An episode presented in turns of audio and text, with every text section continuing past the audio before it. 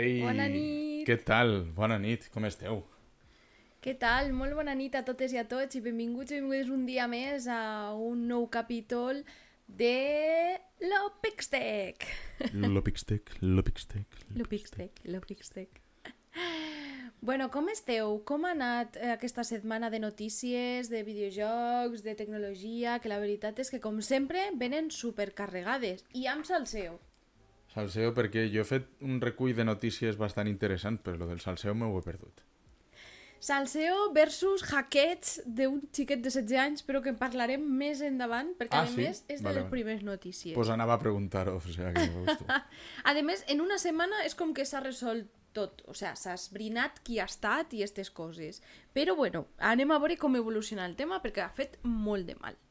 Abans de res, abans de res, abans de res, dir-vos que un 23 de setembre fa 133 anys va néixer Nintendo a Japó.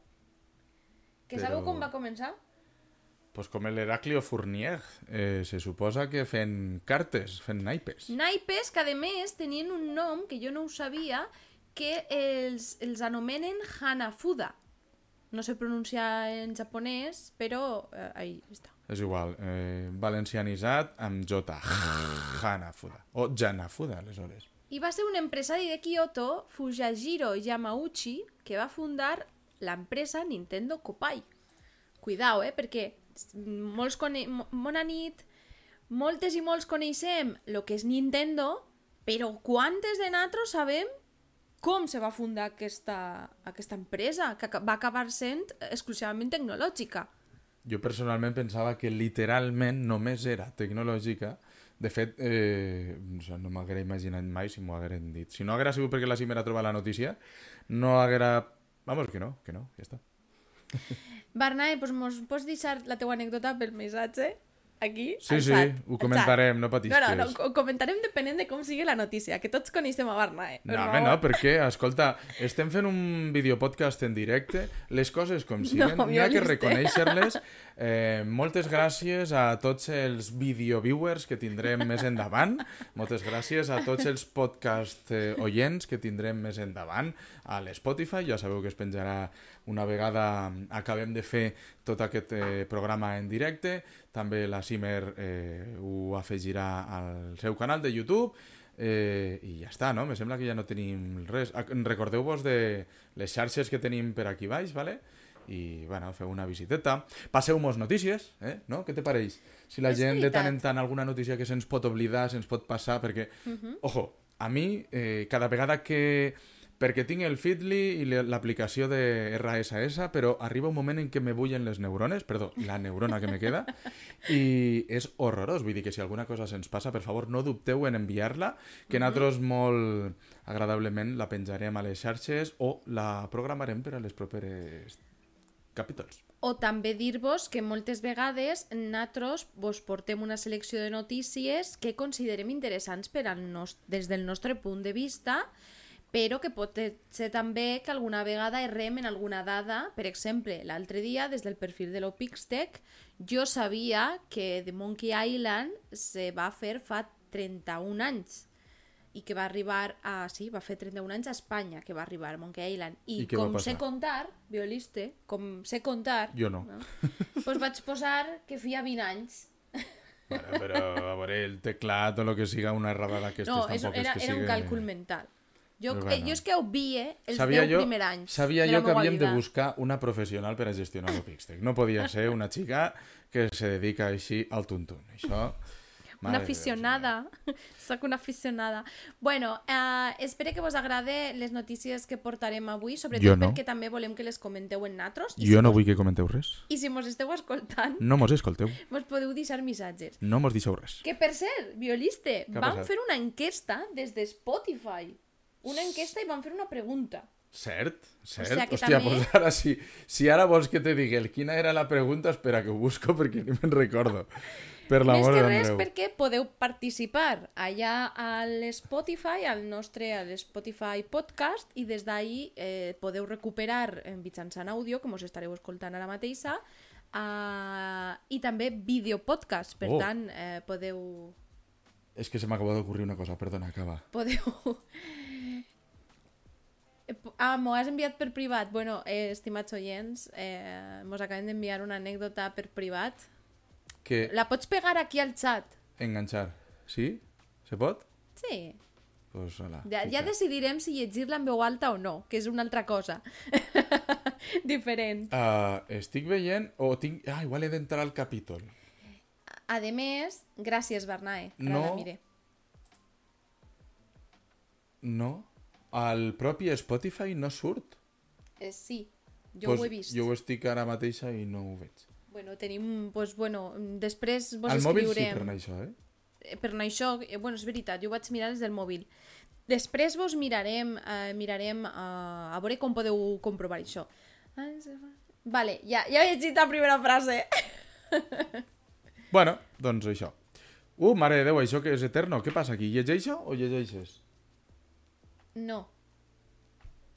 Vale. Doncs bueno... Um... No llegeixes perquè la primera frase... Bueno, fer Aniré- una pel·li X.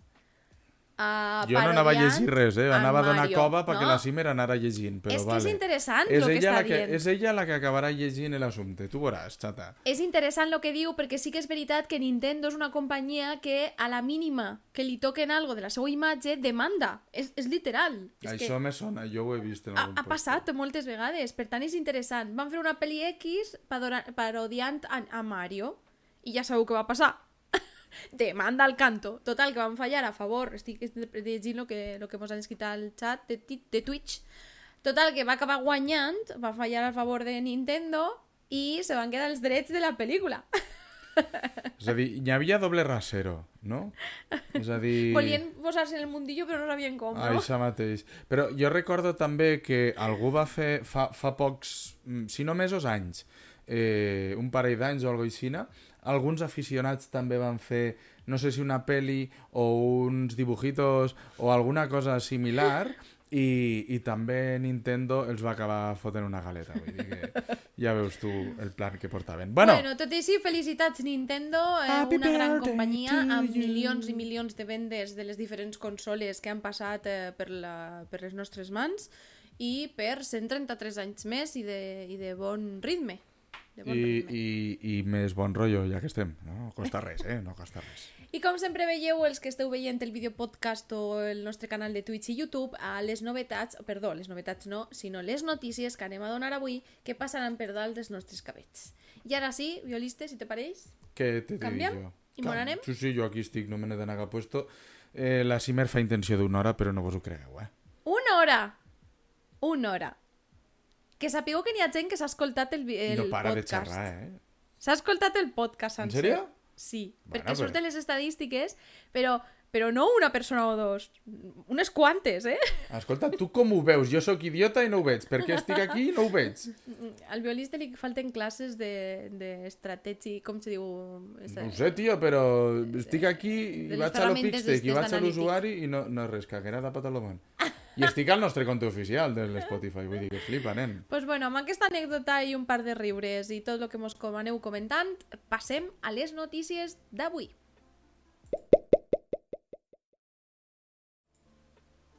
La Cimer comença en bon peu, fent una transició sense errades i jo dono el titular. Quan durarà? GTA 6. Què tal, Cimer, GTA 6? Doncs, bueno, pues GTA 6, si vos heu enterat a les xarxes o esteu al dia en quant a xarxes de videojocs, sabreu que ha rebut un hackeig massiu Rockstar, però Amén. massiu, massiu, de que s'ha desvellat gran part del contingut d'una d'una build base de Grand Theft Auto 6, Ja la nova entrega de GTA. Mm, Això ha fet molt de mal a l'empresa perquè, a més, se coneix que Rockstar eh, acostuma a ser muy, molt cuidadós amb la seva informació.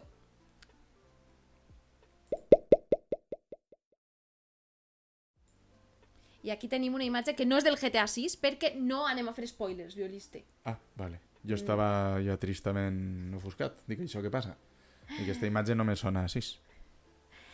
Eh, Bernat ha fet un apunt molt interessant perquè, per exemple, en el cas de EA Games, sí que es. EA, bueno, sí, EA Games, uh, sí que fan filtracions interessades i s'ha demostrat que Però fan això filtracions no només EA, interessades. això eh? ho fa un mogolló d'empreses, per favor. Això passa en les pel·lis. Però també dic que dubto que eh, GTA, o sigui, Rockstar, tenint un, un, un projecte tan potent com és GT GTA, dubte que, que ho hagin fet en, tant, en tanta malícia, no? En tanta intenció de desvetllar tant. De fet, és que anem... pela és la pela, sí. Bueno, bueno. Però el prestigi també ho és a la indústria del videojoc, eh? Bueno, Què és el que s'ha filtrat? Images i gameplay. Que això és el pitjor. Jugabilitat del, de, de la entrega. això significa que ha passat com en l'Assassin's Creed, no? I un beta tester o alguna cosa, perdó, un alfa tester, segurament, o deu ser algo aixina, eh, l'haurà liat parda.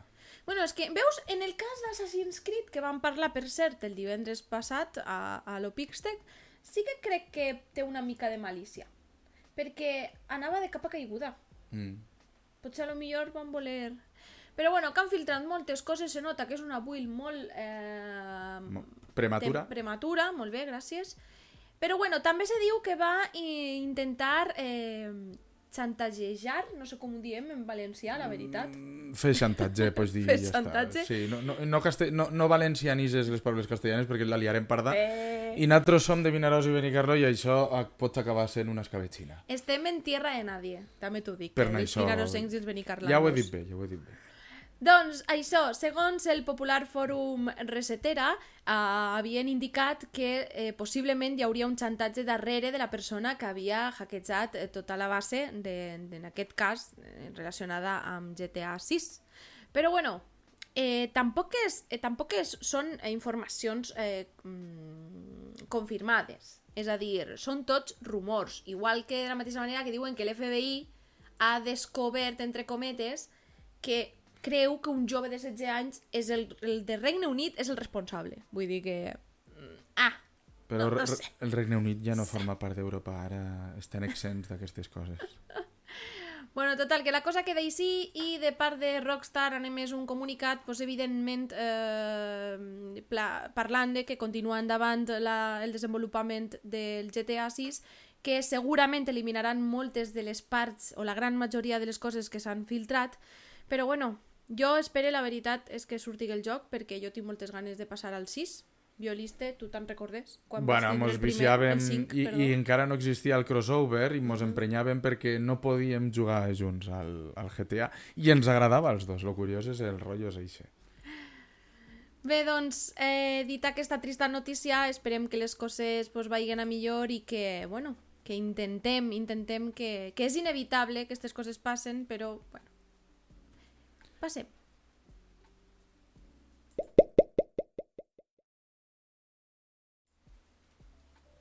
Bueno, sembla que la transició també ha sigut correcta. bueno, anem a parlar del tio Hideo Kojima i, com no, d'Xbox, faltaria més, que la Simer se li cau la baba. Bueno, no anem a dir que sóc cap a on vaig. Jo intento ser neutral, ja ho saps. Però és que notició, notició, perquè com ja sabeu, a l'Xbox Game Bethesda 2022 va haver-hi l'aparició estel·lar que se rumorejava de Kojima a... que pensaven que no va presentar algo. Però no va presentar res, sinó que va dir que estaven treballant en alguna cosa interessant. I ja està? Espera. Ah, no sé. I aquí tenim la imatge del tuit molt senzill, with Phil Spencer. Com podeu veure, també se van reunir amb altres, amb altres desenvolupadors, però sí que és cert que Phil Spencer va anar a veure com va el joc. És a dir, que el joc ja, ja porta molt desenvolupat per davant. I en què consistirà aquest joc? Doncs pues no tenim res. Això sí que és hermetisme pur i dur. Sí que sabem que és un joc, segons Kojima, que no s'ha vist res igual en molt de temps. I també és cert que serà exclusiu per a Xbox. Bo. Què penses que pot ser? Jo? M'ho preguntes a mi? Home, estaria bé que Exclusiu. sigués terror. Exclusiu per a Xbox? No tinc ni punyetera idea. O sea, jo... De fet, mira, te vaig a ser sincer, només coneixo la gran majoria d'exclusius per a, per a PlayStation. Eh, vam començar tots així. D'Xbox, poquets eh, n'he tingut constància, així que... Podem ser sincers i dir que la gran majoria de persones hem conegut els exclusius a cap PlayStation. Clar. A nivell de consoles com Xbox i PlayStation, no portables ni res. Estem parlant de, de que tampoc és que portem, ja ho vam dir en l'anterior programa, tampoc és que portem tants d'anys eh, investigant i gaudint dels videojocs més enllà de jugar. Mm? Però bueno, dit això, estarem a l'espera perquè ja sabeu que Kojima és una persona una mica rareta en alguns aspectes en quant al seu treball i, bueno, fa Kojimades, el que li dic jo, com, com penjar un cartell dient Who am I? Qui sóc jo? I se veu un, la, la ombra d'una xavala. Què és això? Pues, bueno, Eso es que eso.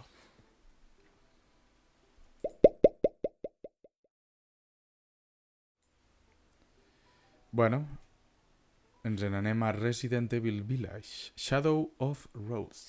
Correcte, el DLC de Shadows of Rose, que com podeu veure són anys després del final del Resident Evil Village.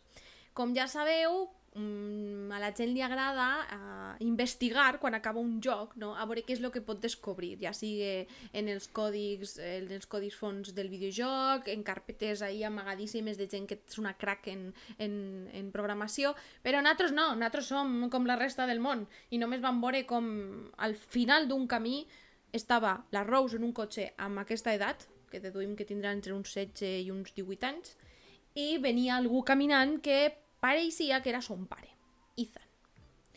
Bé, passem perquè, perquè hi ha una notícia molt trista si vos agradaven els Winters.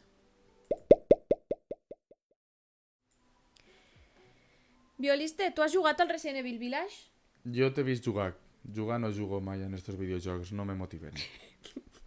és veritat, dieu-me simple, però jo sóc de estil rime. Ja està. O, bueno, perdó, correcció. O eh, Need for Speed, Asphalt o Forza Horizon... Pues, perdó, millor Forza Motorsport. pues bueno, segu segons s'ha desvellat eh, per part de Capcom, amb el DLC de Shadows of Rose se termina la història de la família Winters. I estàvem tristes? Pues sí, estàvem tristes perquè li havíem agarrat molt de carinyo a Mia i a Ethan i tot el que havíem viscut, tant amb Jake, amb el Resident Evil 7, com amb eh, els quatre, els quatre pilars fonamentals d'Umbrella al Resident Evil Village. Mm. Així que, bueno, amb aquest DLC que sortirà a l'octubre, podrem eh, veure una mica més de la família Winters i quin serà el final per, en aquest cas, Rose o si apareix Ethan misteriosament. El jugarem, no, violiste? Jo te miraré jugar-lo, com bé he dit, claro que sí, faltaria més. El Bernabé se'n recorda, se'n recorda dels sus tacos, que, que va, amb una alarma sonora al Resident Evil 8. Hosti, s'ha de tornar a jugar, s'ha de tornar a jugar per a poder gaudir-lo. Però bueno, esperarem per a veure este salt temporal entre el final de Resident Evil Village i el DLC de Shadows of Rose. Que com a anècdota diré que hem pogut veure algunes imatges i hem vist que els, els bowls eh, són molt pareguts, les armes biològiques són molt paregudes eh, amb el musgo este, el fong de color negre que sortia a Resident Evil 7. Mm? Bé, doncs, passem.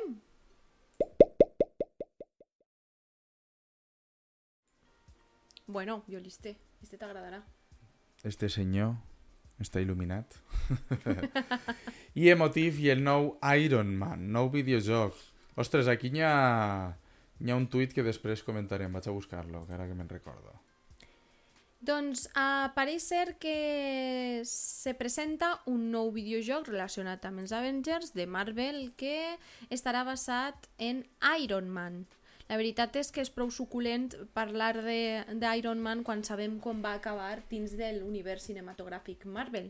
Però Total. bueno, a veure què és el que ens depara. Però anem a parlar també d'EA Motive, que és, un, és, bueno, és el creador de videojocs, l'estudi de videojocs d'EA, i que poc se'n parla, però segur, segur, segur que sabeu quins jocs ha, ha fet.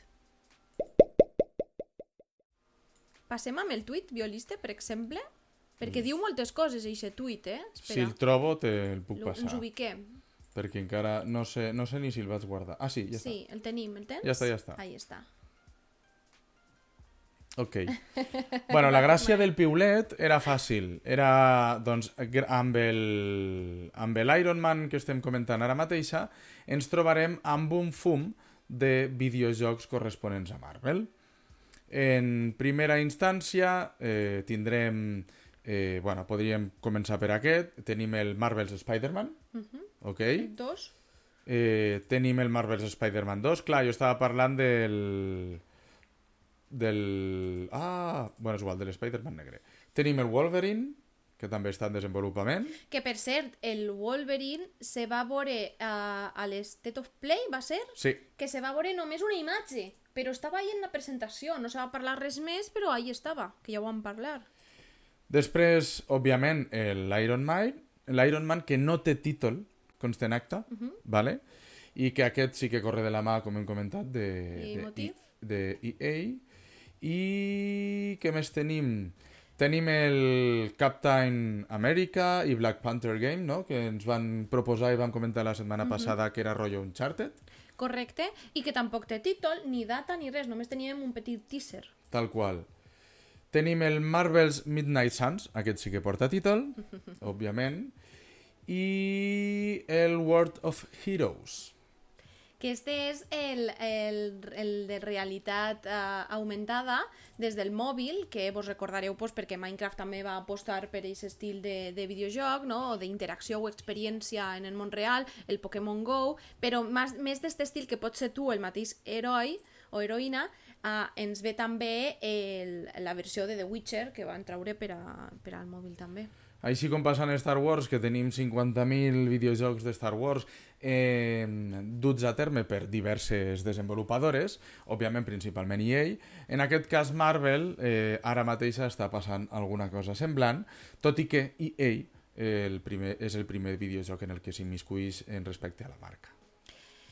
Sí, perquè EA també tenia els drets per a poder realitzar videojocs de Star Wars, així que també ho tenien una mica repartit el que és els, els, les competències, no? els drets de les pel·lícules. I Barna ens diu, si Disney també va matar a Wolverine als còmics perquè no tenia els drets de les pel·lis, en plan rabieta.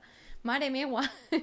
Després drama. apareixen els multiversos, els reals gràcies als còmics i els que mos inventem perquè no podem resoldre el, el tema. Però vaig a dir-vos una cosa, i és que si no coneixeu EA Motive, vos dic que són els encarregats del desenvolupament del remake de Dead Space, per exemple. I si recordem altres productes que han realitzat, que són molt poquets, és el Star Wars Squadrons, d'acord? Que vam estrenar així al canal i que vam fer també una review, i el Star Wars Battlefront 2.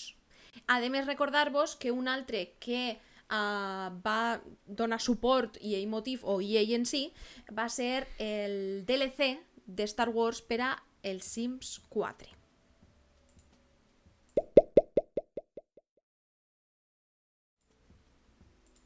Ara m'he equivocat. Eh, podries estalviar transicions, eh? si vols. Sí, és que no, no sé, canviar ni És puntó. que mos agrada posar-vos les coses boniques, tot i que no mos veigau. O vale? sea, només ho transicionem entre escoltau. notícia, però si vols, eh, dintre de la mateixa notícia, potser no cal. Què trobeu? Què opineu, joves?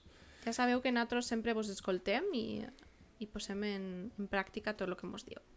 Molt bé, dit això, passem a Minabo. No, no, anava a presentar-lo jo, però ja que has començat tu, acaba tu, ara t'aguantes. Però què passa amb Minabo? A mi, en el meu nabo no passa res, i en el teu? M'encanta el nom del joc, correcte, ens encanta el, el, el nom del joc. Minabo bé, eh, és un videojoc que s'està desenvolupant i que ha desenvolupat eh, Devilish Games, que són de Villena, Alacant, i que ens han portat una grata notícia, eh, que estarà, entre tots els idiomes que han presentat, en català. Però anem a parlar del joc. Parlem.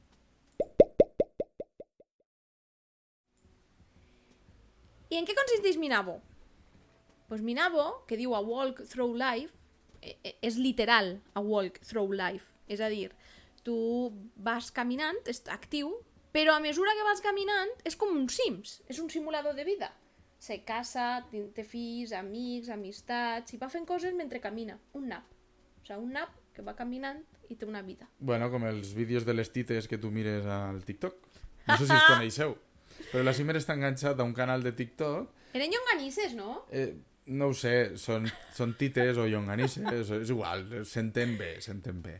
Que estan ahí pegant botets i fent el mongolo. pues bueno, la veritat és que ha tingut una superbona acollida, que fins i tot Ibai ho ha compartit, i, i la veritat és que The Devilis Games estan super contents per la rebuda, i que, a més, eh, estic llegint la frase que mos està dient Barnae perquè no puc concentrar-me, i diu, en què consisteix mi nabo? Di allò, frase del, del dia de la Simmer, volem una bona explicació.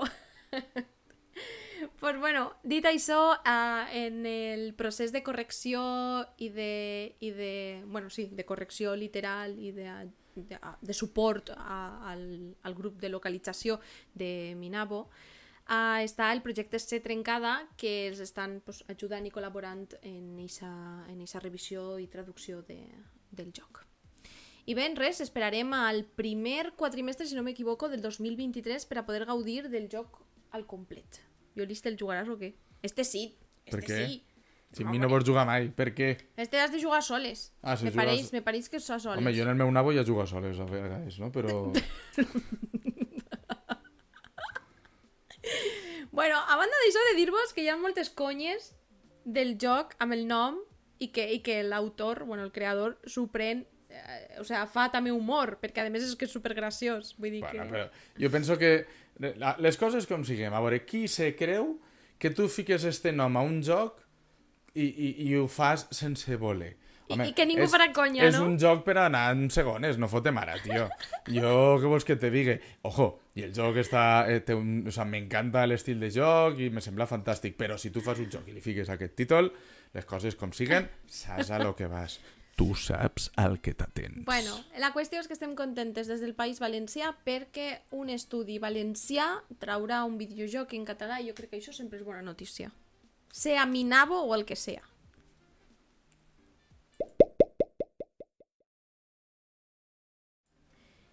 I ara ja sí, anem a parlar uh, d'Xbox també en català i una nova actualització. Cuidao, cuidao. Perquè jo mai he enterat d'aquesta notícia gràcies a Roger Valduma. I ho dic aquí, el seu nom, perquè se'n recorden altres. Què ha passat en Xbox? Pues resulta que ara, de la mateixa manera que vam veure en Steam, que podien categoritzar en la store de Steam, uh, o de per si, els estudis, els videojocs en català, doncs passa el mateix amb la Microsoft Store de Xbox, que tindrem la opció- han ampliat els idiomes i un d'ells és el català, i sí que ja podem categoritzar, ja podeu, perdó, però jo no tinc cap estudi de videojocs, se podrà categoritzar la, el, el vostre videojoc en català. Passeig a passeig, no, violiste? Lo que fa que falta. I què més tenim sobre Xbox? I m'ho preguntes a mi? Uh -huh. Però si este era teu, no és meu. Ah, però tu vens aquí a, a no fer res. Jo vinc a, a, per lo vist, i com avui tens ganes de xerrar, jo vinc a fer la meva secció després i, i, i a, donar, i a fer d'intermediari de tant en tant. Mare Punto. meua, lo que s'ha d'escoltar, lo que s'ha d'escoltar. Eh, no, jo no tinc res, ho sento, eh, perdó, falles la setmana que ve no hi ha errades programa... del directe, però jo no tinc aquí res més anotat, què vols que te digui? Era secció... Aquesta, anem a ser sincers, era notícia de la Cimer. Què ha passat? Que he d'obrir el Telegram, no?, pel que veig? No, però Sí, sí, sí, veure. he d'obrir el Telegram. no saps que hi ha una actualització? Que conste que la notícia me l'has passat tu. Claro, precisament, però l'anaves a llegir Si tu, ja no jo. sabeu per què la setmana que ve no, no hi ha programa és, És per... que ens hem tirat els trastos al cap. Uh, ara, ara la tinc aquí. No Bueno. patisco, Simer, que, la, que, te, que salvo la vida. No passa res. La qüestió és que ha rebut una nova Actualització per a que pugueu instal·lar jocs sense connexió a internet. Però anem a entendre una cosa. Resulta que el verdader problema, el verdader problema de la Xbox no s'ha solventat.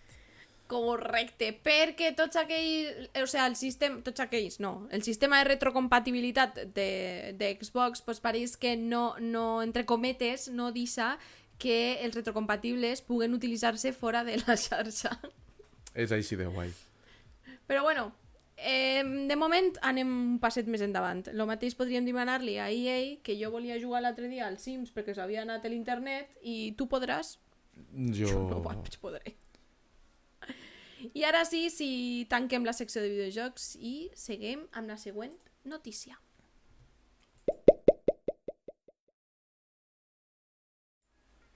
Ara me toca a mi. No ho sé, violiste. Endavant. Doncs, doncs vinga, ara llegeixes tu el títol, Simer. Uh, això és molt llarg. Vinga, va, tira.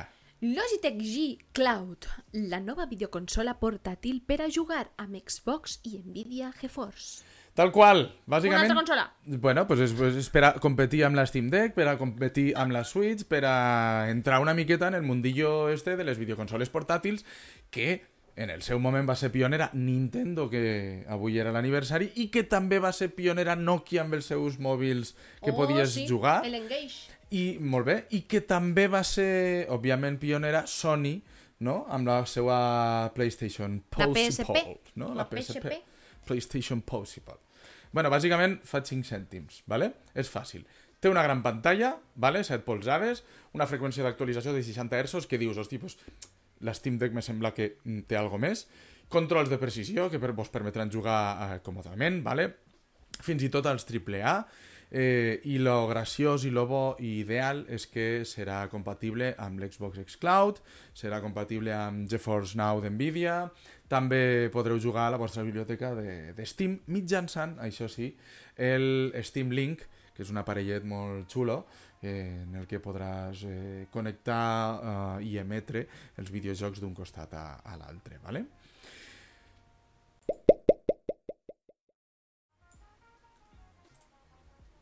Què ha passat?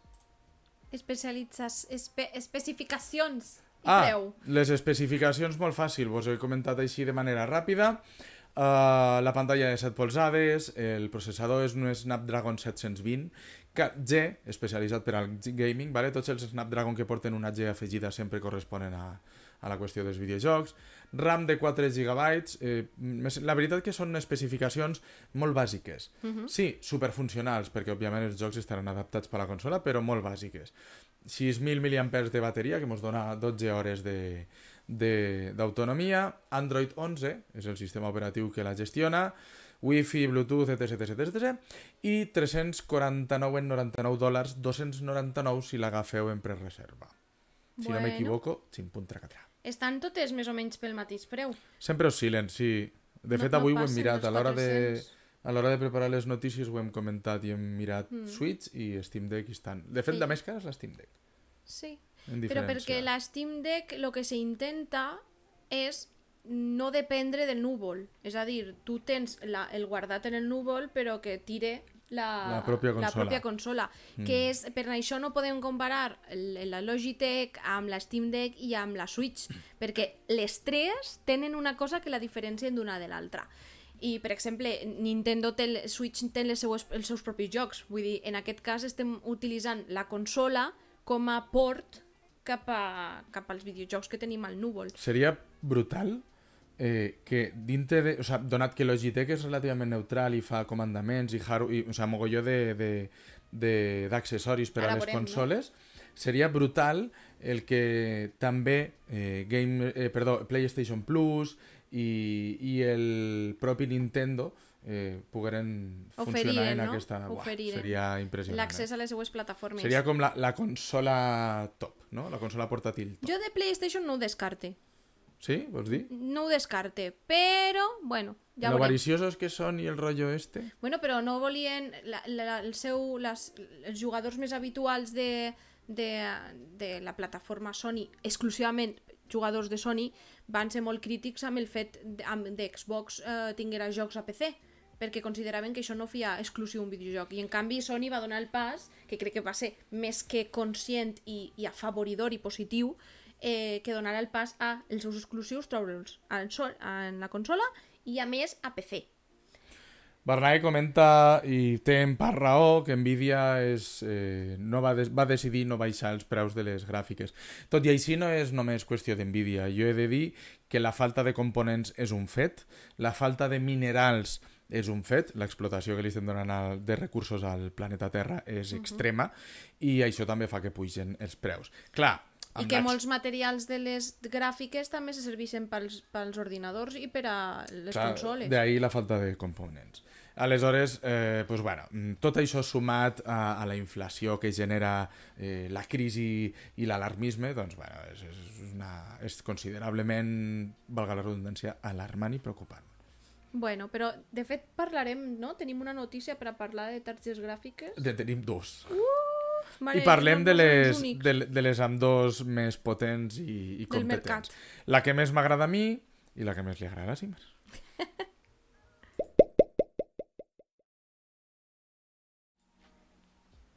I comencem amb elles, de fet. Ah, mira, ahí està. Les ATI equivalents, eh, clar que sí, AMD Forever Alone. Però que encara no estan presentades, no és com el cas d'NVIDIA que ja s'han presentat. Correcte, bàsicament. Les RX 7000 prometen ser un 50% més eficients. AMD presentarà els seus GPU el dia 3 de novembre. Doncs el 3 de novembre tindrem les noves RDNA NA3, vale? que és la pròxima generació de targetes gràfiques d'AMD. Eh, es presentarà ATI, originàriament, eh, que comentava Barnae al chat. Es presentarà el 3 de novembre, com diu la Simer, i doncs, bueno, ja han començat a presumir de seues eh, característiques, de la seva excel·lent eficiència i el rendiment. Vale?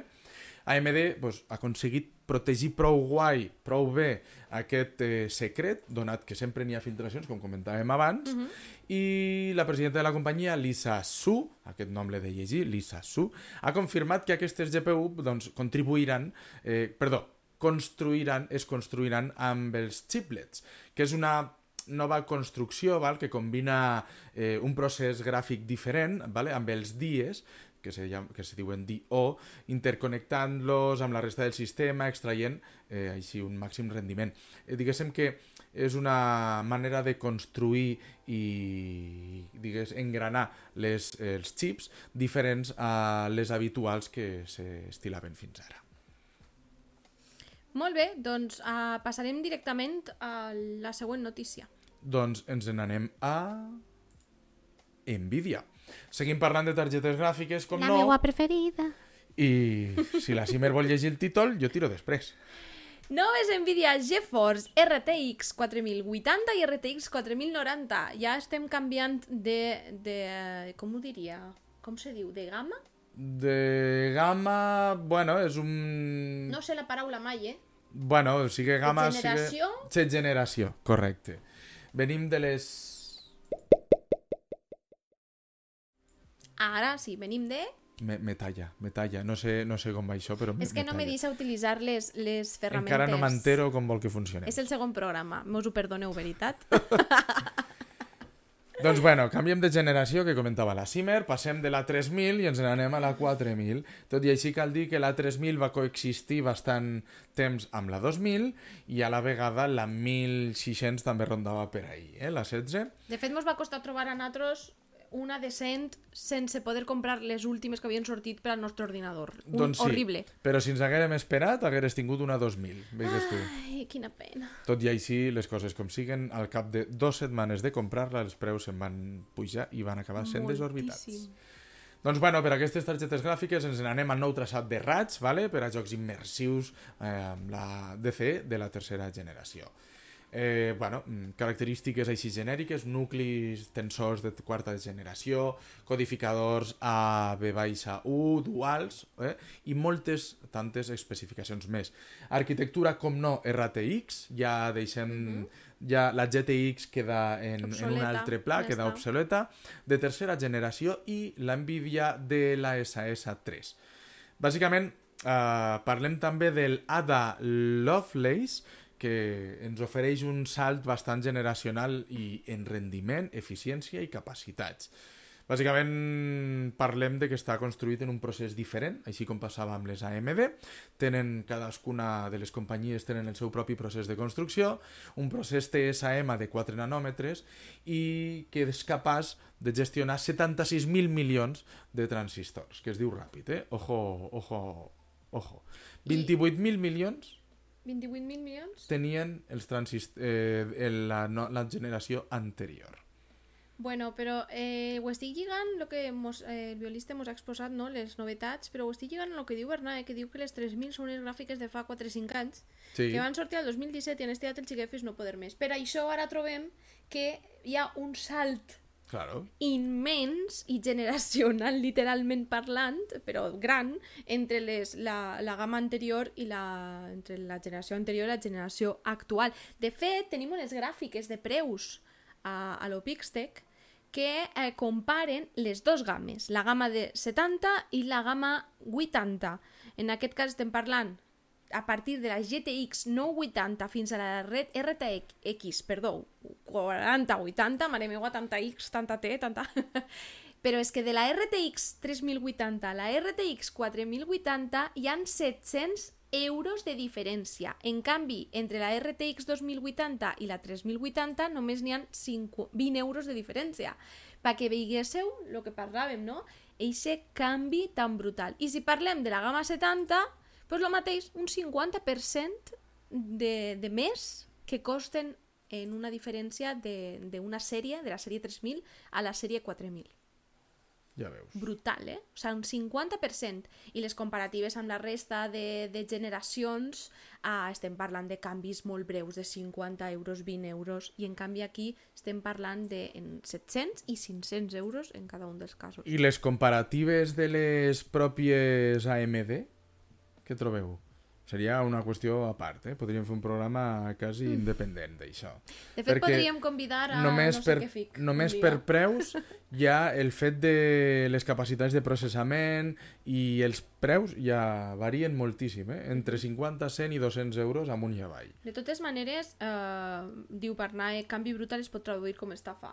Bueno, és que mm, estan havent molts canvis a nivell de, de preus en molts àmbits, eh? Estan havent moltes pujades en el cas de Sony, estan havent pujades també en les targetes gràfiques, ja no és només la inflació, ja no és només la falta de materials, uf, és que jo crec que mos hem de seure a dir a veure què és el que està passant aquí. Alguna coseta més d'afegir? punt? Jo ja estic. Doncs eh, esperem un momentet. Claire mos diu passa, massa pasta. Sí, jo també penso que és massa pasta, però bueno. Ja, baixaran. No ja tingueu pressa que ja baixaran. O ja renovarem d'aquí 40 anys No, la no, taxa gràfica. no, ja baixaran, no vos cal patir.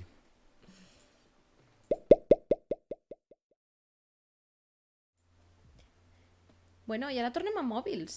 Però mòbils molt xulos, no? Fa dies que no, que no tractàvem telèfons. Bueno, mentira, fa des de la setmana passada, però, Però telèfons... gamers. Això, telèfons per a jugadores. El Asus ROG Phone 6D i 6D Ultimate. Impressionants per a jugar, que és una meravella de la natura. Inclu fins i tot el disseny, eh? El disseny, són, si us te fixes, són molt semblants, tot i que eh, l'interior també s'assembla, tot i que realment l'Ultimate és, diguéssim, un telèfon molt més perfeccionat. Parlem, doncs, d'això, violiste. Doncs, bueno, parlem d'una gamma de processadors que són els MediaTek, en aquest cas el Dimensity 9000 Plus. És una gamma de processadors que segurament molts de vosaltres no coneixereu, donat que estem eh, aveats a sentir sempre Snapdragon o Exynos de Samsung, eh, Correcte. però a nivell a nivell de processament i sobretot a nivell de GPU també, els Dimensity funcionen de meravella. Els telèfons són molt semblants entre ells, ¿vale? la majoria de components són quasi iguals, la diferència és que l'Ultimate té 16 GB de RAM i 512 d'emmagatzematge. A més del sistema de refrigeració molt més avançat, ¿vale? les coses com siguen. Pel que respecta als dos telèfons, tenim les, pan eh, les pantalles AMOLED de 6,78 polzades, bueno, un, una tassa de refresc de 165 Hz que, vamos, és que és per jugar molt millor que inclús en un ordinador o en una consola. Vull dir, ni les teles, que sí, que arriben fins aquí, però ni les teles quasi arriben a 165 Hz. Bé, el mateix processador hem comentat. Eh, què més podem afegir? Les càmeres són pràcticament iguals, 50 megapíxels, eh, 13 i 5 de macro, bateria igual, 6.000 mAh, Android 12, que és el penúltim Android que tenim al mercat, i la diferència estarà en el preu i el sistema de refrigeració que vos he comentat, que són el 6D 600, perdó, 969 euros uh, i pel que respecta... mare. Sí, pues, espera't. I pel que respecta a l'Ultimate, que l'únic que té és una mica més de RAM i una miqueta més de ROM, a part del sistema de refrigeració, que serà més complexe, no especifiquen exactament quin i com o és, són 1.429 euros. Quina barbaritat. Que amb 1.429 euros, sense ànim d'ofendre a ningú, te pots no comprar un telèfon, agafar i fer un ordinador amb una gràfica d'aquestes majes que hem te comentat compres abans. les tres consoles principals del mercat També, també. Si ens fiquem a Ixina, també. amb els preus actuals, eh? Inclús PlayStation amb els packs de 800 euros. Millor que els Lenovo de telèfons o de què? Ens estan preguntant pel xat. Crec que ha sigut respecte a la tassa de, de refresc de, de la pantalla. Tassa de refresc de la pantalla. Crec, però Clar. hemos, esperem un moment que mos ho confirme. Tinguem en compte que Lenovo, a part de fer ordinadors, El també Lenovo fa... Legion. Ah, el Ah, Lenovo el- Legion. L'ordinador o el Mm. telèfon? Perquè són els dos. Legion. Ara ho mirem. són els dos. Telèfon. Telèfon. Ah, ok. Són a la part, eh? Tots aquests telèfons gamers, vos he de dir que són molt a la part. També tenim els Redmi, que sí que canvia el processador, és prou més cutre, sense ànim de desprestigiar, era simplement una, una expressió, però les pantalles i tasses de refresco sí que s'utilitzen per tal de que no hi hagi variabilitat en els gràfics ràpids. Es ¿vale? más barato el Lenovo Legion Pro. Sí. Es entre, entre tres... eh, las, les dos, el Legion y el Pro, está entre 388 euros y 999 euros. Doncs mira, 400 euros de diferència, però segurament el processador també és diferent, que aquestes coses n'hi ha que tenir-les en Android compte. 10, clar, és que és de- és del 2020. Clar, això és el rotllo. També cal dir que el Dimensity 9000 Plus és, un- és dels últims eh, processadors de Mediatek, i això, vulguem o no, és com tenir un Snapdragon Gen 2, eh, puja molt el preu. De totes maneres, sí que és cert que, a veure, eh, si ets molt fan fan dels videojocs o t'agrada la tecnologia en si, acostumes a tenir totes aquestes pijaetes, no? Perquè um, um, jo prefereixo, jo prefereixo francament la consola, Mm. la consola fixa, que mm, un mòbil per a poder jugar. Eh? Per, però a tu te, o sea, tu te venen, les, jo ho entenc, però a tu te venen en un telèfon com estos. I tu diries que no? Home, si me'l regalen, clar. Les No coses com que siguen. no. Pensa que en un, eh, està clar, les coses com siguen. En, és un telèfon que està, òbviament, s'utilitza com a telèfon i està exclusivament muntat i dedicat per a jugar a videojocs. Clar, aquí el problema radica, suposo jo, no sé si ho compartiràs, que no pots jugar a triple A en un telèfon mòbil. Correcte, de fet ho comentàvem pel xat, no? Eh, que al final eh, en una consola te sortirà molt més barato perquè, bueno, és, és així, no? Perquè està fet per això. Encara, encara que ja vos dic que a casa hem començat sent peceros, total, i hem acabat eh, en el camí de les consoles i continuem amb les consoles. De fet, molts pocs jocs tenim a l'ordinador ara mateix, només els fixes, com el Sims... Jo només tinc el StarCraft. No, però és cert que, que ara és com que hem arribat a un punt en què els telèfons mòbils arriben a competir o volen arribar a competir amb les consoles de videojocs, amb les consoles, vamos. I és una cosa que és curiosíssima, curiosíssima. Què mos queda, violista? Mos queda alguna noticieta més recomanada? Unes quantes. Ne tenim un, dos, tres... Perdó, tenim una, dos i tres. Bueno, però anem bé de temps, I eh? després tenim tres regalets. Uh, regalets. D'última hora, molt interessants. Al PC els Sims, bàsicament. Sí, però Això ja sabeu que també ho tenim a consola, que jo personalment ho recomane zero, ho sento molt, però sí que és veritat que jo algun joc de, de mòbil sí que tinc, que és el Player 1 Battleground, perquè m'agrada molt la, el, el gameplay des del mòbil. En aquest cas, en aquest cas són- m'agrada més, m'agrada més, però bueno. Passem, doncs? Passem.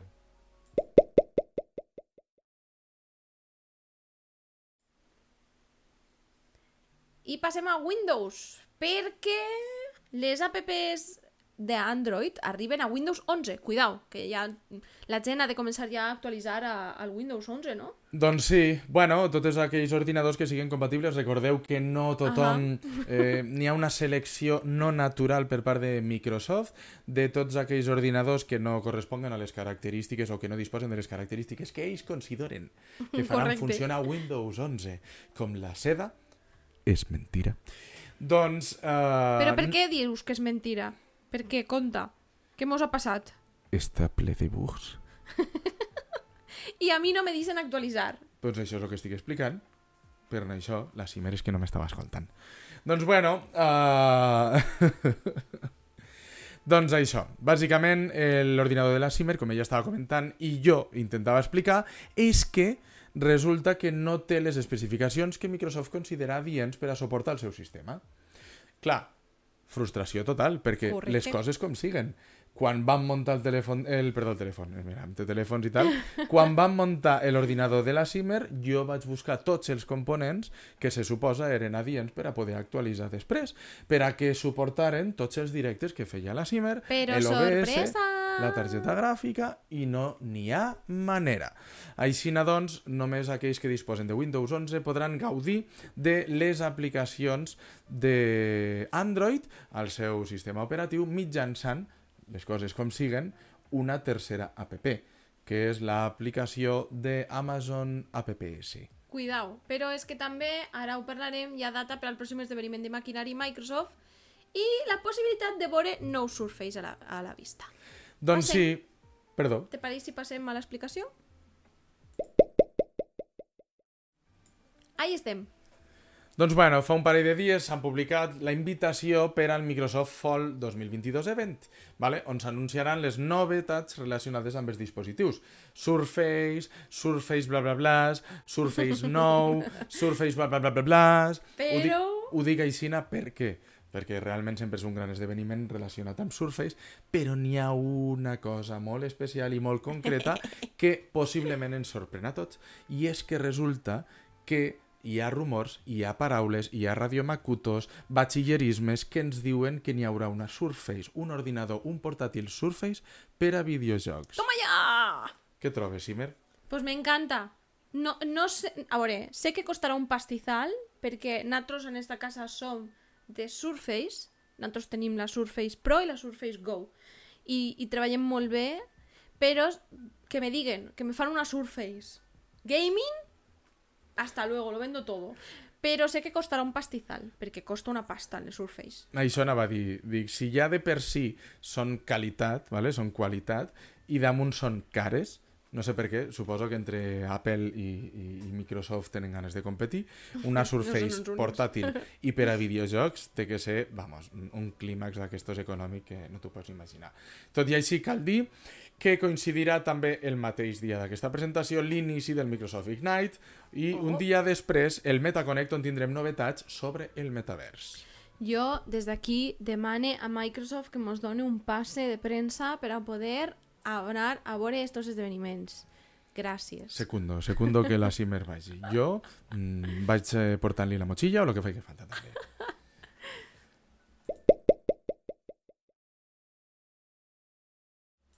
I passem a la següent notícia.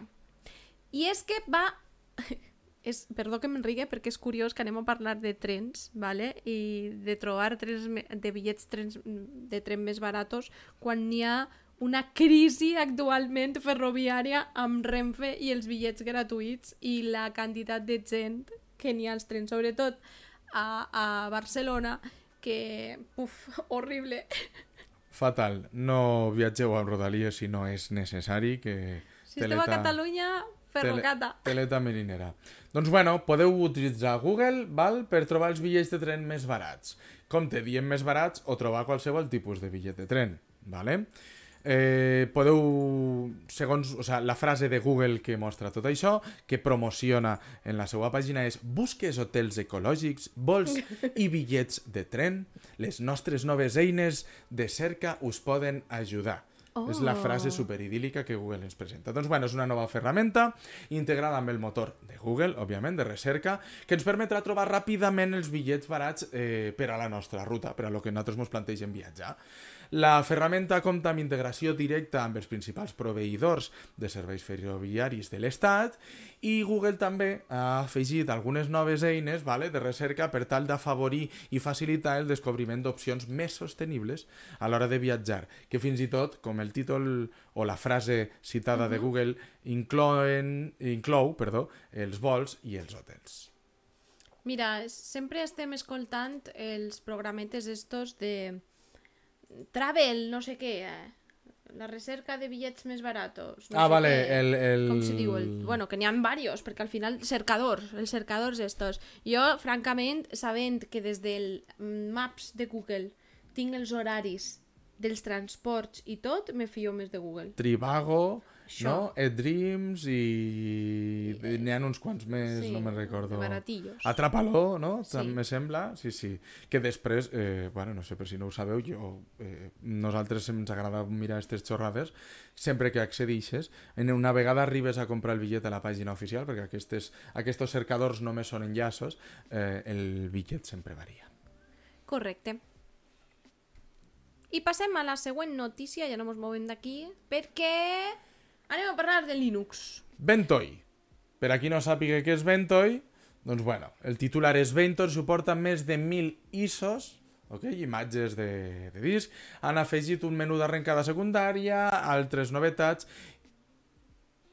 i qui no sàpiga què és Ventoy, dos serveis per a instal·lar Linux al nostre ordinador.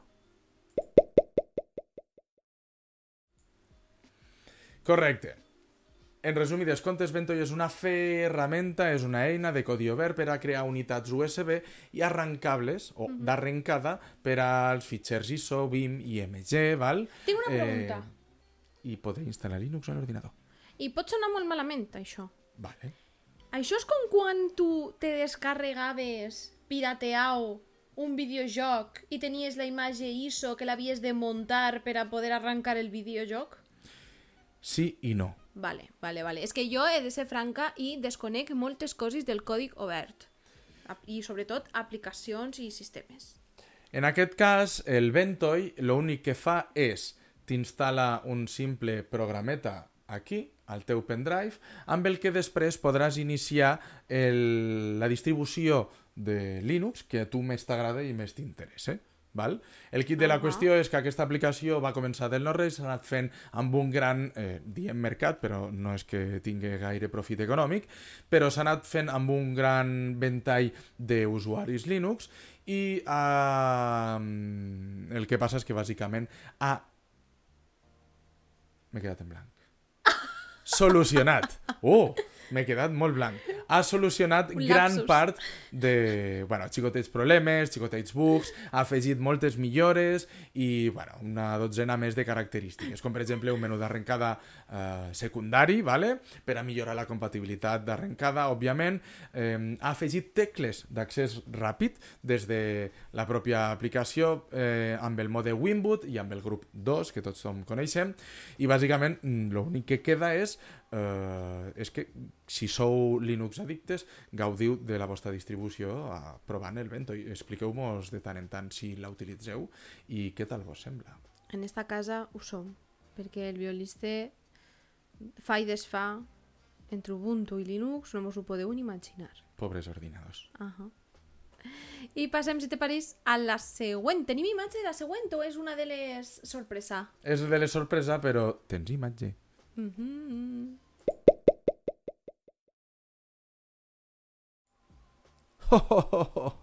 Audacity 3.2 inclou efectes en temps real i suport de FFmpeg 5.0. Eh, jo he utilitzat Audacity, però la veritat és que me torno boja. Sí, bueno, tu i tots, bàsicament, perquè eh, no deixa de ser una aplicació que has de molestar-te en conèixer i en, bàsicament fer-la funcionar. Uh -huh. Tot i així, les coses com siguen, Audacity és un dels recursos eh, d'edició i creació, per què no, d'àudio eh, més fàcils d'utilitzar i que fins i tot en l'educació ens salvaran, eh, ens trauran de, moltes, de molts apuros, eh, castellanitzant l'expressió, ¿vale? Doncs eh, aquesta és una, pim-pam. Bueno, pues este és un extra que vos hem portat, eh? que era molt interessant i tenint en compte que en esta casa ens agrada la tecnologia, els videojocs i a més som músics, ja tenim músic professional, doncs això s'havia de portar. Quan Linux al Red Hat va començar a copiar a Windows perquè la gent no tragava amb lo complicat i volia icones on fer doble clic, van claudicar i rendir-se a l'enemic. Sempre, sempre, sempre, sempre. doncs tenim imatge del següent? Sí, no? Sí, I tornem a videojocs, no, violista? sí. Aquest el pots llegir tu, va, tira. El Zelda de Google ambientat a Mesoamèrica. Ojo al dato perquè si Cuidao. voleu entreteniment sense complicacions i sense, tener, sense haver de descarregar el videojoc al telèfon, doncs bueno, Google, té, per, Google per al seu navegador té un nou videojoc, el, dels, el Descens de la Serp. Què trobes? Que curiós, no? A més veig que és del Museu Nacional d'Antropologia. Per tant, és una d'aquestes coses que jo sempre insistixo en que amb els videojocs se pot aprendre molt. Mm -hmm. Els jocs que desenvolupa Google per als eh, seus Doodle acostumen a ser pues, molt cridaners i didàctics, no? Si vos Correcte. fixeu la, la, la pròpia imatge dels dibuixets, És són... És, molt bé. És cookie, és molt semblant a lo que seria Lego, a lo que seria la, la coloratura de Minecraft, ok? Doncs, bueno, uh, hi ha exemples molt currats, eh, com per exemple els jocs RPG dels Jocs Olímpics de, de Tòquio, Correcte. i ara ens eh, podrem descobrir la cultura maia en aquest RPG fantàstic de tall una miqueta més clàssic que ens ha portat Google. Barnae, eh, en esperem que no. en no seran sacrificis, espere. Però si jugueu i el proveu i el tasteu, pues ja sabeu que mos agrada que mos comenteu i rebem feedback de les propostes que vos portem així de les notícies que tenim. Sí. Falta un. I la última ja notícia d'aquesta nit com, bo- com a bonus track, eh, on anem a l'espai exterior. Tal qual. Doncs aquesta lluna fantàstica que veieu és la mostra d'un nou mineral que s'ha acabat confirmant que s'ha descobert val? Uh, i que mai ha estat vist en la Terra, o Cuidao. com a mínim mai trobat ara per ara. El nou mineral s'anomena Changesita en honor a la diosa xinesa, a la deessa, perdó, xinesa Chang'e, o. Chang'e, suposo que serà, i està trobat a les restes lunars que ha portat, o que va portar, millor dit, eh, una sonda xinesa cap a l'any 2020. Concretament eren unes mostres de 1.731 grams. I poca cosa més. Fins aquí arriba tota la secció. Ara passem a Poremos les cares. Aquí estem. Uh, mos esteu comentant cosetes d'això, però jo voldria dir una cosa i és que estic totalment d'acord en el que diu Claire, que trigaran dos dies en explotar-lo. Ja sabeu que quan trobem aquestes coses, minerals i, i tal, que poden explotar, i sobretot si descobreixen el seu verdader ús, mare meua. De totes maneres, jo avui he dubtat sobre aquesta notícia perquè no me'n... Re... O sea, pensava que era la missió espacial que havien enviat de, des eh, la ESA, era? I que van haver d'anul·lar dos vegades per a tornar a portar eh, bueno, Ah, a tornar vale. a portar entre cometes l'home o la dona o la, la, la gent a la lluna vale? No, no era, no era aquesta, no, no. Així que, bueno, ja sabeu que hi ha diferents centres espacials i, per tant, eh, per cada... No sé, com, no sé la veritat com se...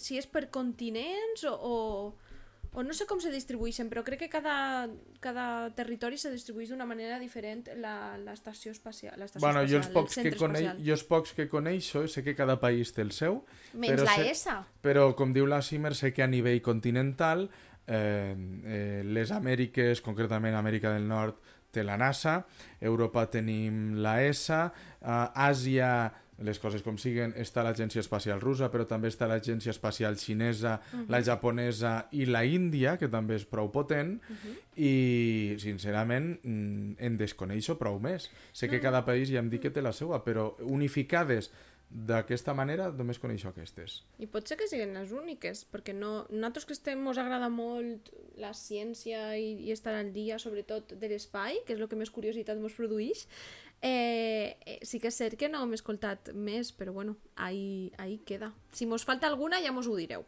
que, no, que desconeixem. Això, no ho deixen filet. Bueno, Violiste, Eh, molt... tres minuts més, eh? I molt complet també Avui avui, he sigut eh? jo el que s'ha enrotllat i tu t'has quedat a mig camí. El proper dia hem de, hem de fer Això no pot ser, això no pot ser. El tema és que gaudiu amb les notícies i que descobriu coses que no, desco... que no sabíeu, no? I si les sabíeu, doncs bueno, comentar-les que així nosaltres també de tant en tant eh, podem aprendre alguna cosa que ens hem obviat. Nadie nace sabiendo. Jo vaig néixer no sabiendo, sabut, que és diferent. I aquí llegim un missatge més de Barnay abans de marxar i, dice, pos, i diu posar els funcos dels germans Stark al costat de l'Arale, Batman i Fallout es diu tot del sentit de l'estètica de la Simmer. Uh, pa, qui no vos, qui no vos esteu veient, um, eh, pues jo tinc col·locats uns funcos darrere meu que estan col·locats estratègicament, eh? Tot té un sentit. Tot el que té a veure amb, amb, amb Xbox i tot el tinc en esta secció. I com tinc els quadrons, pues tinc a R2D2 i al CC8. Després aquí baix tinc eh, God of War, eh, Batman, Harry Potter i tots estos, però en veritat està God of War perquè està PlayStation. I després darrere meu pues, tinc aquí a Jared de, dintre del laberinte, tinc a Witcher i les novel·les de Witcher i, i tinc aquí pues, a, a lo que ens acaba de comentar Barnay. I normalment ho vaig canviant. Ho vaig canviant, amb, depèn del, del... Ah, i World of Warcraft, que ja sabeu que no faig contingut de World of Warcraft per tot el que està passant de, per tot el que està passant amb, amb Activision Blizzard. Quan se solucioni això i Xbox per fi compre i fa, i fa se neteja, encara que sigui que no el fiquen a la presó, perquè no el fiquen a la presó, però que se'n vagi d'una vegada, amb això jo sóc feliç. I tornarem a fer contingut a Twitch sobre Good of, ai, Good of War, um, World of Warcraft. Igualets, igualets. Barnae comenta que tot barrejat.